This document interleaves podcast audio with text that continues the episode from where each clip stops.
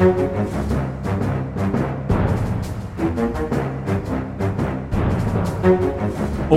da ruller vi i gang med en ny episode av Aftenpodden USA. Jeg, Øystein Langberg, USA-korrespondent, er som vanlig på plass hjemme i, i, Brooklyn. Men så har vi litt breaking news her, for du Kristina Pletten er ikke på Frogner, slik du har vært de siste 100 gangene jeg tror vi har snakket sammen i den podden her. Hvor er du nå? Nå er jeg sånn ca. 850 meter over havet eh, på Hafjell. Litt nord for Lillehammer, på en hytte og sitter her og jobber istedenfor hjemme på hjemmekontor. Så det er litt fint. Og her er det snø og nydelig. Nydelig. Og jeg må jo bare si, det er ikke noe brannfakkel i her, da, men vi som ikke bor i Norge, synes kanskje at det begynner å bli litt vel mye sånne fjell- og skibilder i sosiale medier nå. Kjenner du på en sånn trang min, Jeg kjenner på en veldig trang til å reise bort på ferie. Et eller annet sånn alt annet enn det vanlige komme meg vekk, liksom. Hawaii, jeg går og drømmer om sånne ting. Kjenner dere på det der hjemme, eller er det bare skier for alle penga nå? Nei, Jeg tror alle kjenner på behov for å reise både til Hawaii og andre steder. Jeg så på Twitter ambassadøren i uh, Aten sto på ski nedover uh, en bakke da, midt i byen. Så tenkte jeg uh, ja. Det er jo litt sånn ko-ko. I Texas er det snø. Og, så det er jo ikke så mange steder det er litt sånn Hawaii-stemning akkurat nå, da. Nei, og det er ikke så mange steder man kan dra heller, da. Jeg, liksom, jeg er faktisk lefla litt med tanken. Jeg tror det er mulig å komme seg til Israel en tur i påsken. Er det det som liksom blir den store destinasjonen nå, kanskje? På grunn av vaksine? Ja, ja. Der er det flokkimmunitet, mm. vet du. Vi får se. Vi får se. For det, jeg tenkte det er det vi skal snakke litt om i denne episoden her. Eh, egentlig kanskje ikke så mye om Israel, men litt om USAs håndtering av, av koronaviruset. Og, og vaksinasjonen som pågår her, og litt om kontrasten til Europa. Og vi kan ikke utelukke at det faktisk kanskje blir litt skryt av Donald Trump i denne episoden. her. Vi får se eh, når vi går gjennom, eh, gjennom analysene våre. Men først bare litt om hva som har skjedd siden sist. Vi laget en spesialepisode om riksrett eh, i helgen, som jeg egentlig tenker står seg godt. Hvor vi, Konklusjonen vår er vel at vi ikke bør avskrive Trump i 2024. Så kom en veldig interessant meningsmåling i dag fra Morning Consult som bekrefter det. Det ser ut som støtten til Trump i partiet hans har økt litt siden riksrett. Og de har spurt hvem vil du stemme på hvis det var primærvalg i dag, altså hvilken kandidat skal vi ha i 2024, og da sier 54% vil stemme på Donald Trump. 12% på Pence, som ligger på andreplass. Og på delt tredjeplass finner vi Nikki Haley og Trump jr.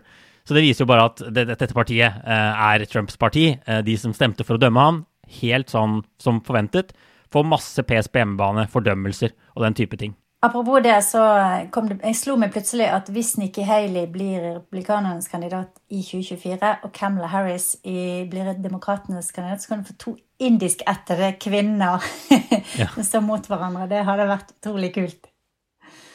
Mitt punkt nummer én er noe som heter earmarks, som har vært en sånn mare som har ridd Washington i mange år, der eh, kongressmedlemmer og senatorer får stappet inn sånne gavepakker til sine egne delstater eh, i, i, sånne budsjettlover og andre, andre lover som går gjennom da et av de mest kjente er The Bridge to Nowhere i, i Alaska. En kjempedyr bro som ble bygget over til en øy med 50 innbyggere.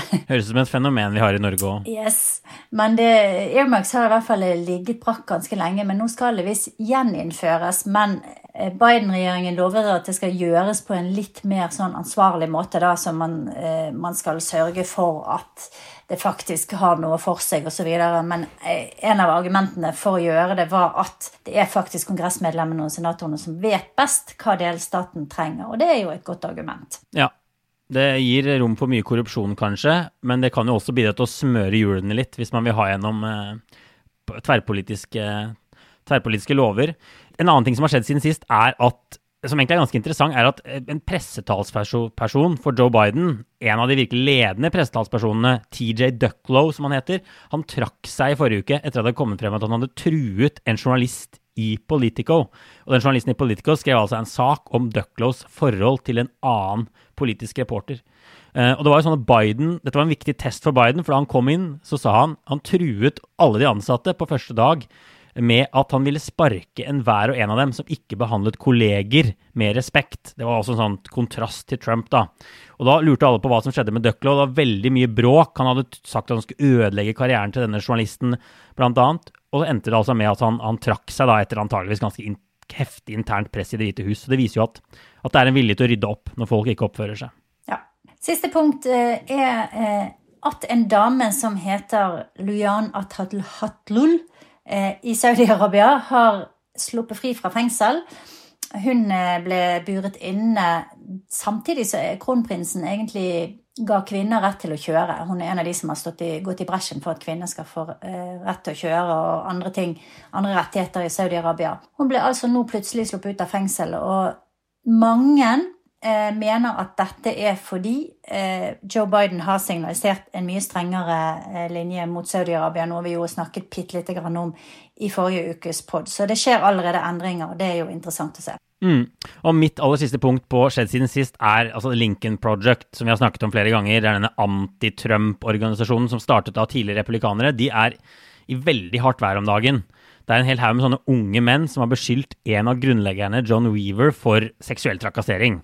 Eh, og så går beskyldningen på at disse ble ignorert veldig lenge, disse beskyldningene, eh, og at Lincoln Project ikke har tatt det på, på alvor.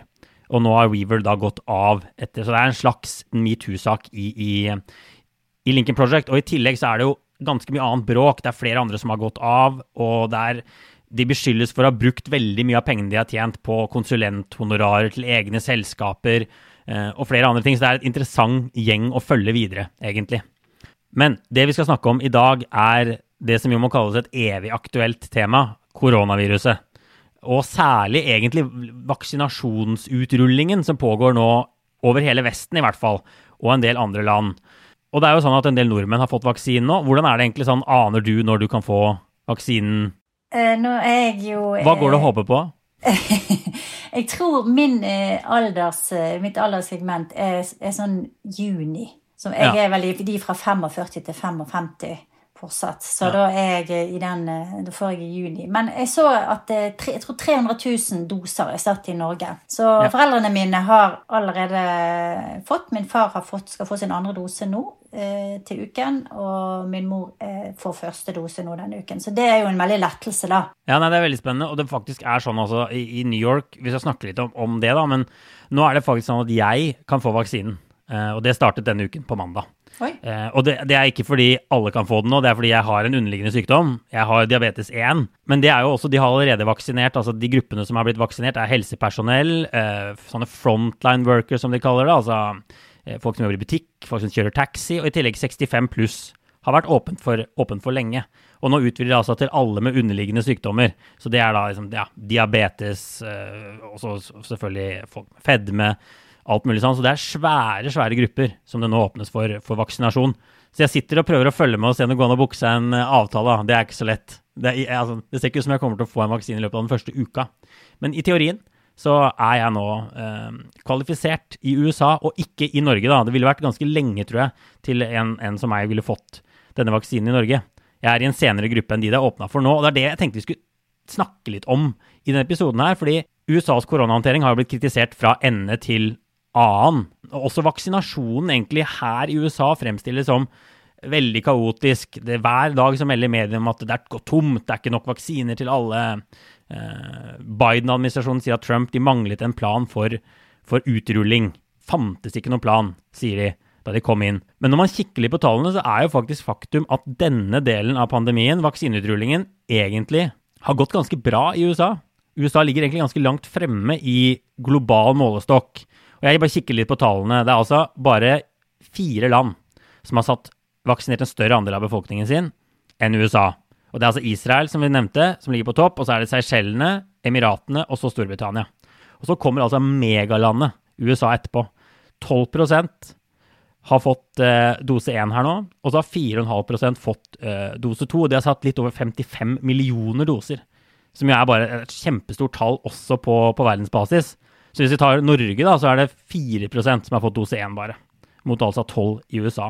Så hva er det vi ser her, Kristina? Har de fått til noe likevel? Ja, altså jeg har tenkt, eh, særlig de siste par månedene, at eh, koronaen har vist frem det verste og det beste med det amerikanske samfunnet. Det har jo vist frem en helt sånn vanvittig evne til å kjøre i gang med dette her eh, vaksineprosjektet bruke tilgjengelig teknologi sprøyte inn masse penger og bare få det ut i, i en helt sånn urealistisk fart, nesten. Ingen trodde at det var mulig. ikke sant? De snakket om flere år, eh, så seint som i april-mai. Eh, så vi har virkelig sett hva USA kan få til hvis de, hvis de setter klutene til. Og så på den andre siden så har vi sett mye av det verste av USA. Altså væpnet motstand mot smittevern, konspirasjonsteorier, protester og seinere også sniking i køen med, med, vaksiner. ikke sant? Masse rot i utrullingen. Og det at ikke de har noe sentralt, ordentlig helsevesen som jeg tror gjør det vanskelig å kontrollere denne utrullingen. Så jeg tror liksom i ettertid så vil det bli en sånn delt dom over det, da. At uh, det var, var, mye potensial og fantastisk, og så utrolig mye svikt også. Det, det, har avdekket mange sider av det amerikanske samfunnet, på godt og vondt. Ja, jeg er enig med deg. Jeg synes, altså, vaksineutrulingen er på liksom noen områder egentlig, og særlig kanskje vaksineutviklingen, på noen områder veldig imponerende. og hva er det beste med USA? Du har næringslivet, industrien, som, som, som jobber på én side, og som er selvfølgelig cutting edge. Altså Legemiddelindustrien i USA er langt fremme. De jobbet selvfølgelig sammen med, sammen med noen tyske, noen tyske eksperter på på å utvikle den Pfizer-vaksinen. Det er ikke en, altså Pfizer er jo et amerikansk selskap, men de jobbet med noen, med noen tyskere. og så er Moderna er et mer sånn helamerikansk prosjekt. Og så var det innvandrere som var med på å utvikle vaksinen. og Man kan si at liksom, de, de, de, har lagt vekt på sånne ting, men det er altså industrien. Så har de veldig sånn eksperter på regulering av legemidler og hele den, hele den pakka der. Og så har du hatt politikerne, da. Og når alle disse jobber sammen, og det har de gjort i det tilfellet her, så kan de få til store ting, da. Kanskje store ting som ikke Europa kan få til. og de er veldig offensive, og det er sånn, i nyhetene her så er det sånn konstant press på hvorfor det ikke går fortere. Det er sånn utålmodighet som vi kanskje ikke jeg vet ikke, altså Ser vi den på samme måten i Europa? Jeg vet ikke helt. Den har jo begynt å komme i Europa og i Norge, men det tok veldig lang tid. Sant? Folk eh, har jo større tillit til myndighetene, så jeg tror veldig mange bare tenkte at ja, ja, men det, det kommer, det kommer så fort, eh, så fort som det kommer, liksom. Og så har jo murringen mm. begynt å tilta veldig de siste ukene. Så nå har ja. det jo vært masse diskusjon også her i Norge om uh, utrullingen er riktig, om prioriteringen er riktig, om vi har gjort nok, om vi har lagt nok penger på bordet, var det rett å samarbeide med EU, osv., osv. Ja. Men en ting jeg også vil nevne, da, det er um, disse her eh, amerikanske teknologiselskapene. Tenk på hvordan det har reddet oss gjennom denne perioden. Det vi gjør nå, ikke sant. Det vi, altså, ja eh, å sitte og ha møter på Zoom. Zoom var vel bare et sånn nærmest en oppstart som ikke hadde kommet noe særlig vei med, med, sin teknologi. Plutselig bare er de et kjempeselskap, ikke sant. Så, så alt liksom amerikanerne gjør, det gjør de så mye større volum og, og, så mye hurtigere. Og, og er mm. også stort sett mye mer villig til å, til å ta i bruk ny teknologi. Så, så, jeg tenker at vi har eh, tross alt ganske mye å takke amerikanerne for eh, gjennom denne eh, dette her pandemiåret. Men, men har, vi, har, vi, noe å takke Trump for? Altså, har han noe av æren for, eh, for, disse vaksinene som har kommet, og at USA nå har, faktisk har vaksinert ja, over én av ti? Mye, mye mer enn EU f.eks. har gjort? Altså, det er litt må tenke lenger. Nei, jeg vet jo, jeg er litt usikker på hva jeg skal svare der. For de har jo hatt dette Project Warp Speed, som er et prosjekt for ja, Som er altså vaksineprosjektet. Ja, for å ja. utvikle uh, Warp Speed er jo, det, det er jo et sånn rombegrep, ikke sant, når man bryter lysmuren og kjører så fort at uh, Ja. men, uh, men jeg er litt sånn u, u, Det er uklart for meg hvor mye Trump har å gjøre med det. Rett og slett. Det går en debatt her borte om det, der, og det sitter veldig langt inne for, for mange på mm. venstresiden å gi Trump skryt for noe som helst. Men jeg ser at Operasjon Warspeed, dette prosjektet, la altså 18 milliarder dollar på bordet de spyttet jo bl.a. inn betydelig løp i selve, beløp i selve vaksineutviklingen. Pfizer fikk ikke noe av de mm. subsidiene, men det gjorde f.eks. Moderna og veldig mange andre. Så der la USA rett og slett penger på bordet. Og så gjorde de også store forhåndsinnkjøp, bl.a. Og så organiserte de seg. Hele, hele, godkjenningsprosessen har gått ganske fort. Eh, de har laget sånne paneler som gjorde at dette var veldig effektivt gjennomført. Og jeg ser noen sier at noen sier, bl.a. Bloomberg-kommentator Noah Smith sier at man lykkes fordi Trump ikke blander seg for mye. Og så ser jeg Washington Post et sted skrev at, at noen satte, spørsmålstegn til 18 milliarder dollar, altså 150 millioner, milliarder kroner, ekstremt mye penger, om det er for dyrt, om, om vi kaster bort penger, eh, kaster penger ut av lufta. Men da satte vi Trump ned foten, og han sa dette, dette skal vi gjøre, på en måte. Og så De gir Trump delvis noe av æren for det. da, og Så kan man spørre hva motivasjonen til Trump. Var det å redde liv, eller var det å vinne valget? Men likevel. Han ville jo normalt gitt noe av den politiske ledelsen noe av æren her, men selvfølgelig har ikke Trump sittet og, og forsket på vaksinevaksinasjoner. Men altså, hele problemet her er jo igjen at informasjonen fra Trump-regjeringen var så utrolig kaotisk. Og han motsa seg sjøl, mm. og han, han, klarte jo ikke å fremføre et budskap eh, på en helhetlig måte nesten noen gang, da. Eh, I hvert fall ikke når han snakket. ikke sant? Så det, så det er utrolig vanskelig å vite egentlig hva Trump har gjort og ikke gjort. Fordi han sjøl forkludret bildet så utrolig mye. Ja, nei, det er jeg helt enig, det er veldig vanskelig. Men, men det vi ser da, og Noah Smith, han Bloomberg-kommentatoren, sier at det amerikanske systemet, at det er en seier for det amerikanske systemet, og det virker jo som en kanskje i hvert fall en mer sånn ting de fleste kan, kan være enige om. Uh, de brydde seg ikke så mye om kostnad. Det ser ut som EU var mer opptatt av å få prisen ned på disse vaksinene. Og ha oppnådd det. da, Det har kommet noen lekkasjer som viser at EU betaler mindre per, per vaksine. Og så uh, ser jeg også han, uh, en som heter Guntram Wolf i, i, i Brygel, en sånn tankesmie, skriver at EU også har brukt vesentlig mindre penger da, enn en dette Operation Warp Speed på, på det. Og han sier at det er en sånn risikoaversjon i Europa. Det er en sånn treghet i systemet som gjør at man ikke klarer å kaste seg rundt. Som jo potensielt kan bli kjempedyrt. Hvis Europa kan gjenåpne to måneder etter USA, så er det bare enorme beløp med verdiskaping og sånn. Så da kan man jo lure på hvorfor man ikke er mer offensive, da. Ja, og det var en, det var jo også en tanke i Europa om at man skulle være solidarisk. At ikke det skulle være sånn at man mm. skulle bare smelle masse penger på bordet og så eh, kjøpe seg ja. først i køen, på en måte. Så det var vel også en tanke om at det var viktig å holde prisene relativt lave for at andre land skulle ha råd til det, mm. da. Hvis vi skal til, tilgodese de med litt sånn eh, gode motiver. Ja. Så ja, det kan nok kanskje bli billigere for USA i det, i det lange løp. Og nå har vel Biden også kunngjort at de har sikret seg 200 millioner nye doser, eller noe, ja. et helt sånn vanvittig beløp. der. Så kommer det jo etter hvert andre kandidater som vil gjøre at det blir billigere. Ja. Som, med, med, annen type teknologi og sånn. Så jeg syns bildet fortsatt er veldig, veldig vanskelig å tolke og tyde på en måte. Ja, jeg er helt enig. Tror... Men det er i hvert fall helt klart at USA har hatt suksess med Operation Warp Speed, og at de har gjort en del ting riktig, og så har de gjort en del ting veldig, veldig galt. Say hello to a new era of mental health care. Cerebral is here to help you achieve your mental wellness goals with professional therapy and medication management support. 100% online. You'll experience the all new Cerebral Way, an innovative approach to mental wellness designed around you. You'll get a personalized treatment plan from a therapist, prescriber, or both in a safe and judgment free space. Your cerebral therapist or prescriber will outline a customized plan with clear milestones along the way so you can get to feeling your best. With Cerebral, you're not alone in your mental health journey. We're here to empower you to live a fulfilling life. So take that first step towards a brighter future and sign up today at cerebral.com slash podcast and use code ACasts to get 15% off your first month. Offer only valid on monthly plans. Other exclusions may apply. Offer ends July 31st, 2024. See site for details.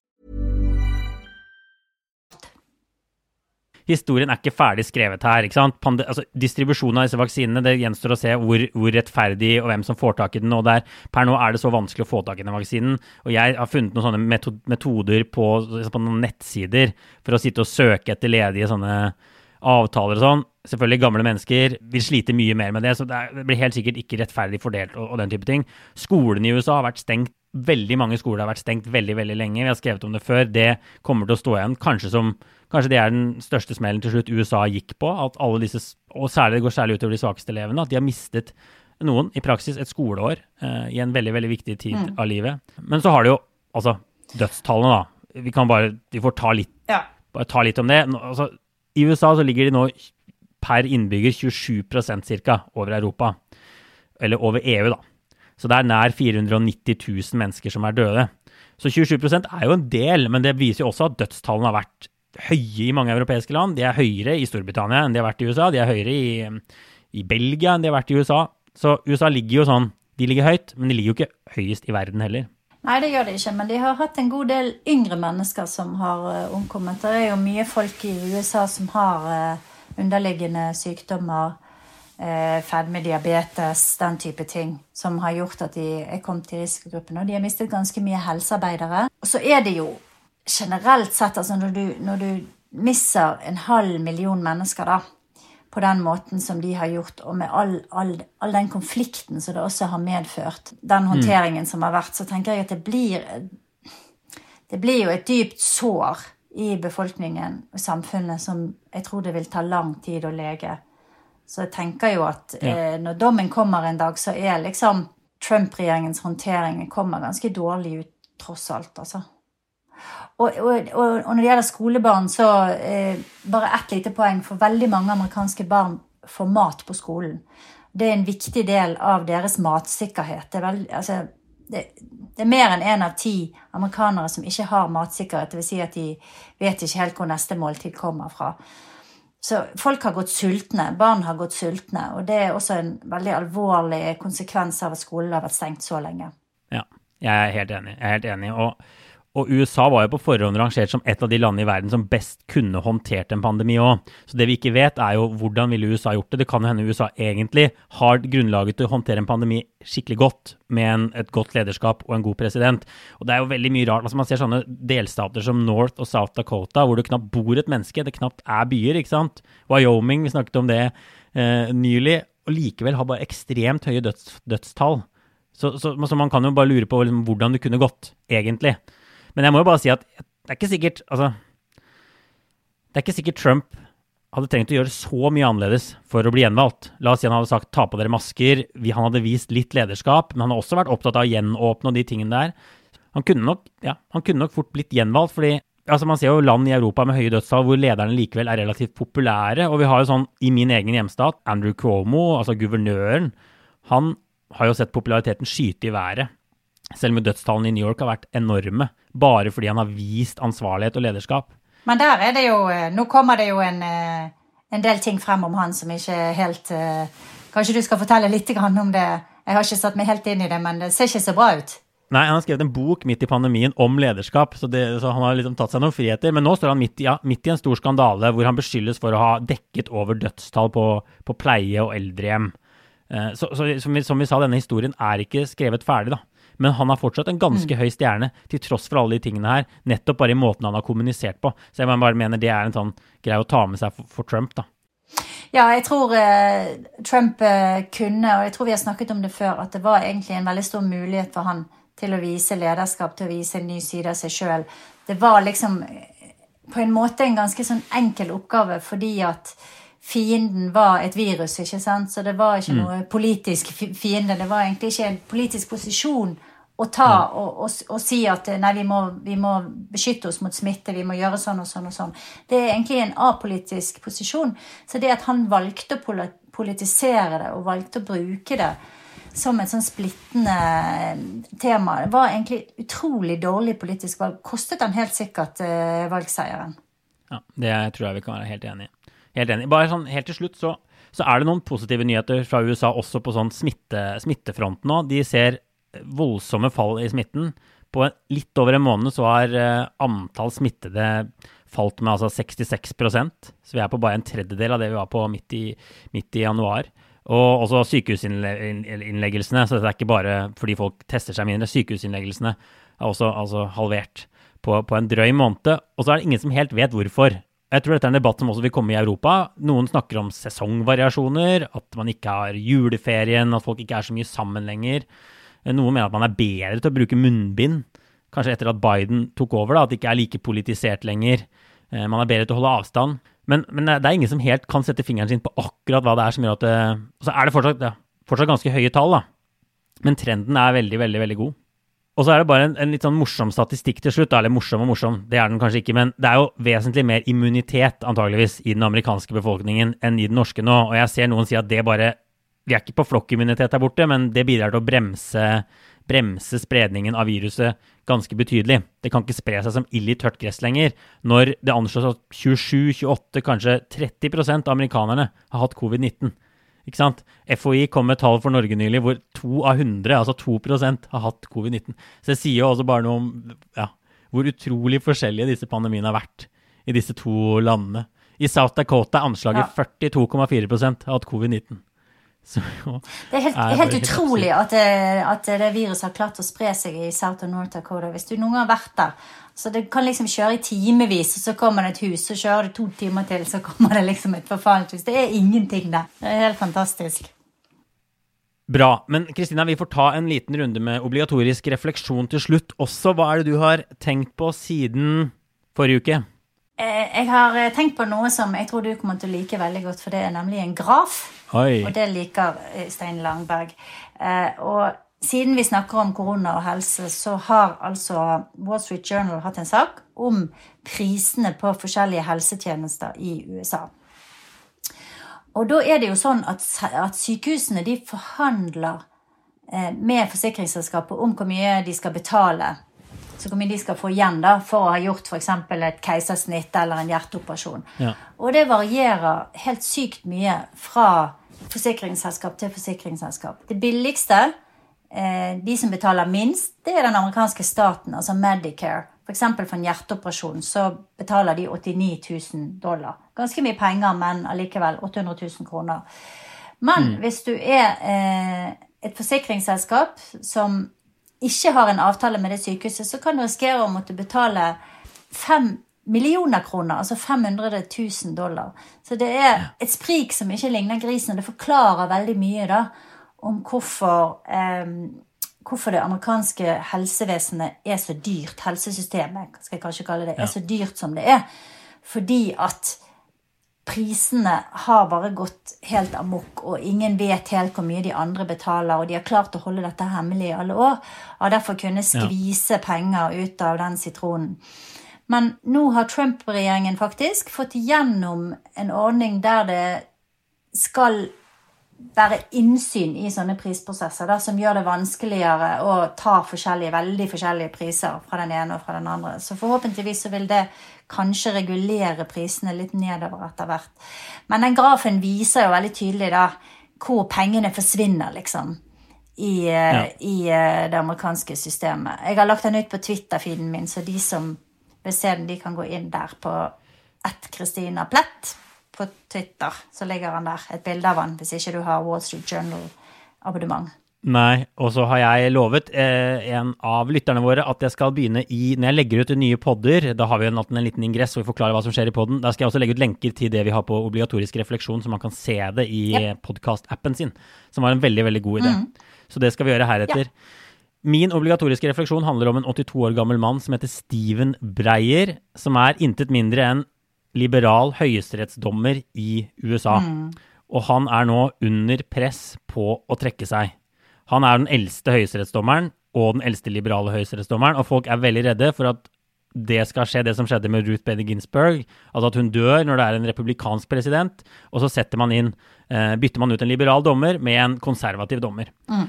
Så det er rett og slett altså, en mye mindre sånn subtil kampanje nå. Det, altså, det var litt sånn press på Ruth Bader Ginsburg òg, men nå er det en mye mer åpen kampanje i demokratiske kretser da, for å få han, få han til, å, til å trekke seg. Eh, og det er nok fordi demok mange demokrater bare de har lært av Ruth Bader Ginsburg. De tenker også at de må bry seg mer om domstolene. Det har republikanerne vært mye bedre på, på enn demokratene. Jeg leste bl.a. et sånt nyhetsbrev fra Dan Pfeiffer, som var en sånn sentral Obama-rådgiver og en sånn Pod Save America-host, som skriver at han skriver eksplisitt at Breyer må trekke seg innen du har lest ferdig dette nyhetsbrevet. Og det han skriver, som er et godt poeng, er jo ingen aner hvordan Senatet ser ut om en måned. Der også sitter en haugevis med gamle folk. Hvis du dør Det er jo mange mange demokratiske senatorer som rep representerer stater med eh, republikanske guvernører. Og da er det sånn at i noen av de så kan, hvis denne demokratiske senatoren dør, så kan republikansk guvernør midlertidig peke ut en, en republikaner i stedet. Og så har plutselig demokratene mista flertallet i Senatet og evnen til å få gjennom høyesterettsdommere, ikke sant. Der er jo en eh, fra California, Diane Feinstein. Hun er vel 87, tror jeg. Og har vært leder for eh, justiskomiteen. Hun ble presset til å trekke seg fra den eh, stillingen.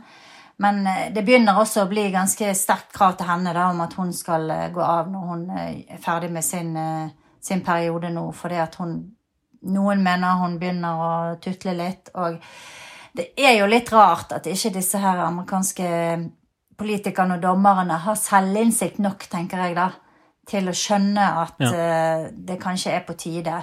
Og det var veldig, man var veldig forsiktig med å kritisere Ginsburg fordi at hun var så populær og ble et ikon og alt mulig sånn, men det var jo en stor tabbe av henne å ikke Ja. trekke seg under Obama sin periode. Hun var syk. eh, Hun var dødssyk til tider. Hun burde ha tenkt litt større, tenker jeg da. Ja, så jeg synes bare det blir Jeg skal legge ut en lenke til det nyhetsbrevet. Jeg synes det blir interessant å se hva slags press han blir satt under, og hvor fort det går før han eventuelt trekker seg. Noen frykter jo at det bare dette slår tilbake på han, at det virker mot sin hensikt, og at han blir mer innbitt på å sitte. ikke sant? De har store egoer, disse folka. De jo- har jo enormt mye makt. Så det blir veldig, veldig bare veldig spennende å se akkurat hva som skjer i den, i den saken der. Men jeg tror det var alt vi hadde for denne gang, Kristina. Vi er tilbake i neste uke, vi. Ja, Og inntil det får dere ha det bra.